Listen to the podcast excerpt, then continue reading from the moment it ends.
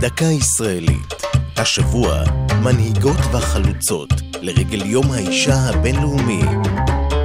והפעם, הנריאטה סול. כאשר עיתון הילדים הארץ שלנו יזם את כינון יום האם בשנות החמישים, שלחה נחמה פרנקל בידרמן, ילדה בת 11, הצעה לציין אותו בל' בשבט, יום פטירתה של הפעילה הציונית הנריאטה סול. ההצעה התקבלה מיד. בשנים האחרונות התקבע שמו ליום המשפחה. לסולד לא היו ילדים פרי בטנה.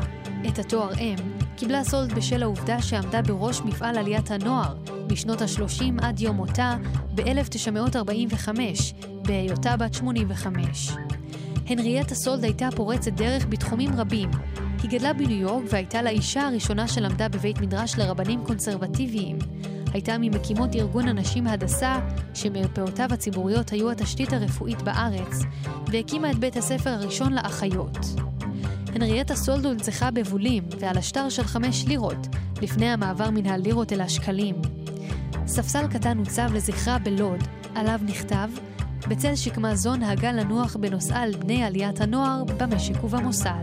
זו הייתה דקה ישראלית על מנהיגות, חלוצות והנריאטה סולד. כתבה אחינועם קפון. ייעוץ הפרופסור הנריאט דהן כלב. ייעוץ לשוני, הדוקטור אבשלום קור.